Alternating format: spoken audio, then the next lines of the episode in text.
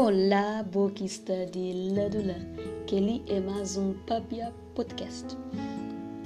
Hoje, quarta-feira, não está na quarta semana da quaresma, mas hoje a igreja está abrir um parênteses para celebrar uma grande festa na igreja e que muitas vezes está passando despercebido para muitos cristãos. Hoje a igreja celebra a solenidade da anunciação do anjo à Virgem Maria, anunciando a vinda, anunciando a encarnação, anunciando o nascimento de Jesus. Sim, hoje é aquele dia em que anjo Gabriel te sauda Maria e ele te diz que Maria malta ser mãe do Salvador. E a resposta de Maria é nada mais, nada menos de que Eis a servo do Senhor, faça-se em mim segundo a vossa palavra. Então, perante aquele cenário que é narrado no Evangelho de São Lucas, capítulo 8, capítulo 1, desculpa, capítulo 1, versículo 26 a seguintes, onde que anjo Gabriel te apareceu a Nossa Senhora, ele te sauda a Nossa Senhora, salve a cheia de graça, o Senhor está contigo, né? Então, anjo te dizer, Maria, não temes, pois encontraste graça diante de Deus, has de conceber no teu seio e dar à luz um filho, ao qual porás o nome de Emanuel, Jesus. Ele será grande e vai se chamar Filho do Altíssimo. Né? E depois, no fim, no versículo 38, a resposta de Maria é o seguinte: Eis a serva do Senhor, faça-se em mim segundo a tua palavra. Né? Mas por que que essa festa celebrada hoje. Já não celebraste festa no Natal? Sim. No Natal nós celebramos basicamente o nascimento de Jesus. Jesus nasce. Hoje nós celebramos aquele dia em que o anjo apareceu a Nossa Senhora e anuncia a chegada desse Filho Redentor. Nove meses antes, hoje 25 de março, é nove meses antes de Natal é o dia da Anunciação, é o dia em que o Verbo encarnou no seio da Virgem Maria. Por isso, essa festa é de grande importância e muito interessante. No essa festa está cair dentro dos mistérios que nós celebramos no tempo da Quaresma, que é o mistério da paixão e ressurreição de Jesus. Toda a vida de Cristo é um mistério, mas a vida de Cristo, desde o início ao fim, tudo ser vida foi um mistério, mas o catecismo te ensina-nos, e mesmo na Terresana Credo, toda a vida de Cristo te resumia a esses dois fatos importantes: a vinda de Cristo pela encarnação e a sua paixão. De toda a vida de Cristo, estes que os dois mistérios mais importantes da nossa fé: a encarnação e a sua paixão e ressurreição, que nós celebraremos daqui a alguns, mais ou menos duas semanas, duas, três semanas. E é muito interessante olhar a que essa festa te parecer um pouco desenquadrado, mas não é, não é. Por que finalidade que Jesus veio ao mundo? Porque Jesus encarnou-se. A finalidade máxima da encarnação é a paixão. Por isso faz todo sentido celebrar essa festa com toda a dignidade, celebrar esses dois grandes mistérios e que tune-nos a vida de Cristo e que tune-nos a paixão de Cristo. E o Catecismo da Igreja Católica está dizer assim, na 512. Nada diz explicitamente dos mistérios da vida oculta pública de Jesus. Ele fala acerca da Sagrada Escritura, mas e do credo.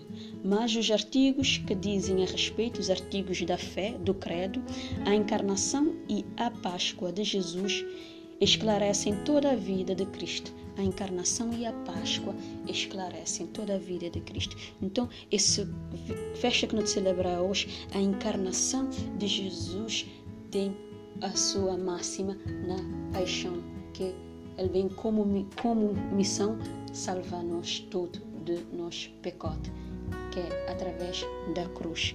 E São João te lembra-nos, né?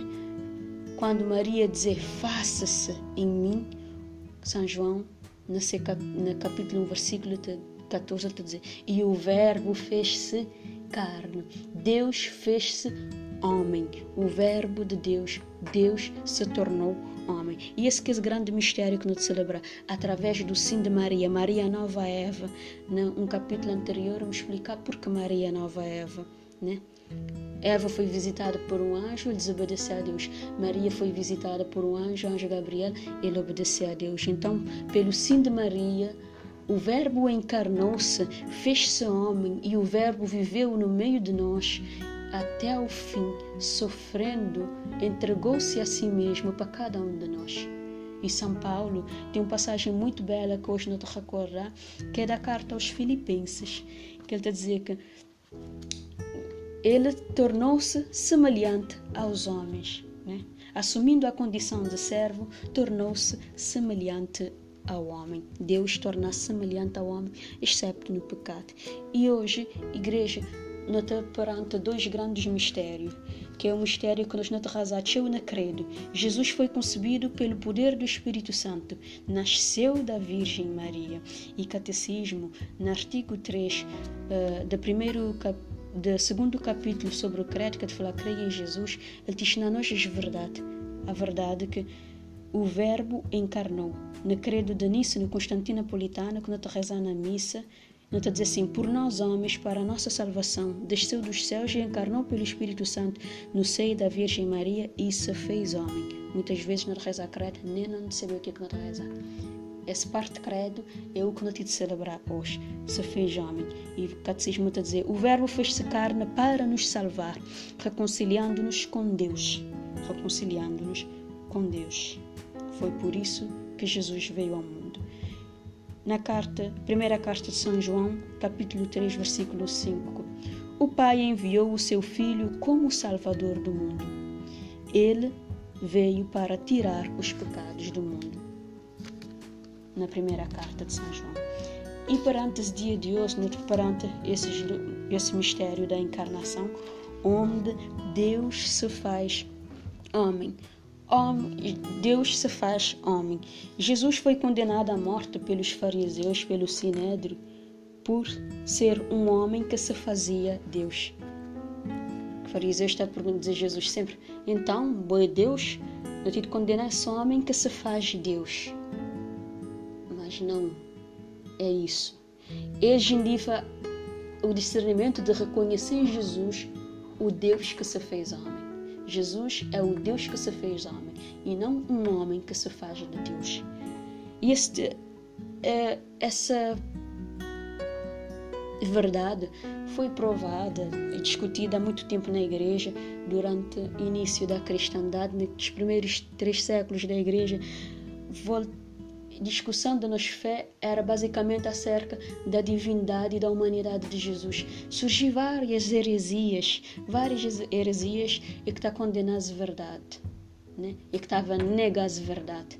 Então, Jesus muitas vezes era visto como um filho adotado de Deus. Não tinha um, um heresia do adocionismo ou heresia de arianismo era um movimento que está pregar que Jesus não era Deus, Jesus era filho de Deus, ele foi criado para Deus, por isso ele foi adotado por Deus seu batismo, mas Jesus não era Deus. E o concílio da Niceia, na 325, ele condena essa heresia, quer dizer, não, Jesus é consubstancial ao Pai, ou seja, Jesus é da mesma natureza do Pai.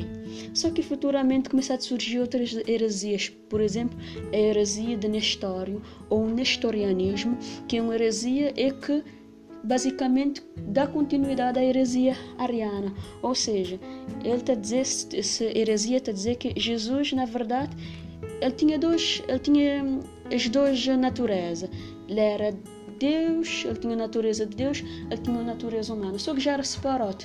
Então, essa heresia está a acabar por dizer que Maria não é mãe de Deus, Maria é mãe só de Cristo, é mãe só da parte humana de Cristo, porque natureza, porque Cristo tinha duas naturezas separadas. Então, a partir daí surgiu o grande concílio de Éfeso, onde São Cirilo foi muito importante na defesa da fé cristã, que ele está acabar por dizer essa frase com ele no caderno. É, uh, o Concílio de Éfeso então condenou o nestorianismo e ele defendeu duas verdades, que é a união hipostática, de São Cirilo que dizer o seguinte: Jesus é o Filho eterno do Pai, que na história torna-se filho da Virgem Maria. Ou seja, através de Jesus, através, digo, de Maria, Jesus veio a nós, mas ele sempre ele era filho eterno do Pai, sendo mesmo Deus. Só que depois dessa heresia, vem uma outra heresia que é o monofisismo. O monofisismo está acabar por, por, por dizer que ah, a natureza de, humana de Jesus a natureza de divina de Jesus é tão unido, tão unido, tão unido que está confundir, ou seja, que a natureza humana de Jesus está acabar por desaparecer. Então veio o grande concílio de Calcedônia e que condena essa heresia monofisista, concílio de Calcedônia, em 1451, na época do Papa Leão Magno, um grande Papa da Igreja, onde que esse concílio declarar dois dogmas que nós não professamos na credo. Jesus é homoúsios, ou seja, Jesus é consubstancial ao Pai, mas Jesus também é consubstancial a nós. Por isso que nós está dizendo na credo, verdadeiro Deus e verdadeiro homem.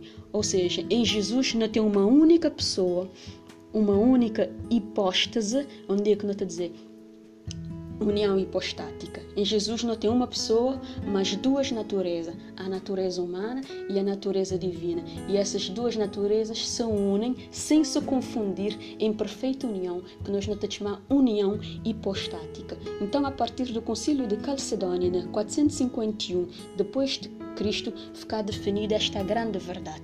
Jesus é consubstancial ao Pai, mas também é consubstancial a nós, ou seja, ele tem a mesma substância de Deus, ele é Deus, mas também ele é homem. Então Jesus é filho de Maria, sendo Deus e sendo homem. Logo, Maria não é só mãe de Cristo, Maria é mãe de Deus. Foi na concílio anterior, na concílio de Éfeso, na 431, que Maria foi declarada Theotokos, mãe de Deus. E na concílio de Calcedônia, que já me falar, na 451, Jesus, é, esse dogma é afirmado como verdade da igreja irrefutável. Jesus é consubstancial ao Pai, é consubstancial a nós duas naturezas, a natureza divina, a natureza humana, que se une numa única pessoa, que nós chamamos união hipostática. Então é isso que nós olhamos hoje, a encarnação do Verbo, do Deus que se faz homem, do Deus que vem até nós, de um Deus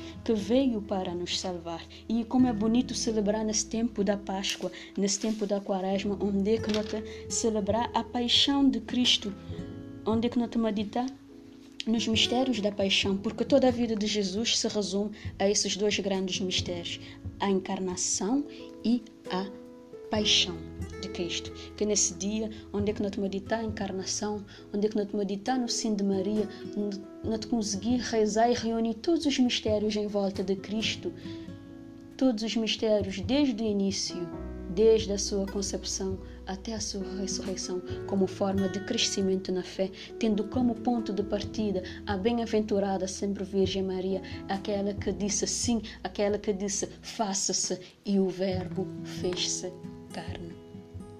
Que Nossa Senhora te continue a abençoar nós, que Nossa Senhora te continue a te conduzir nós, que não te chegar à Páscoa da ressurreição com este sentido, que o mesmo Verbo que encarnou é o mesmo Verbo que foi crucificado e o mesmo Verbo que ressuscitou. No fim, te cresceu para nós rezar uma Ave Maria neste dia da anunciação do anjo, a bem-aventurada Virgem Maria, que ela te dá-nos a graça de unir a Cristo no caminho da paixão. Ave Maria, cheia de graça, o Senhor é convosco. Bendita sois vós entre as mulheres, bendito é o fruto do vosso ventre, Jesus. Santa Maria, Mãe de Deus, rogai por nós, pecadores, agora e na hora de nossa morte.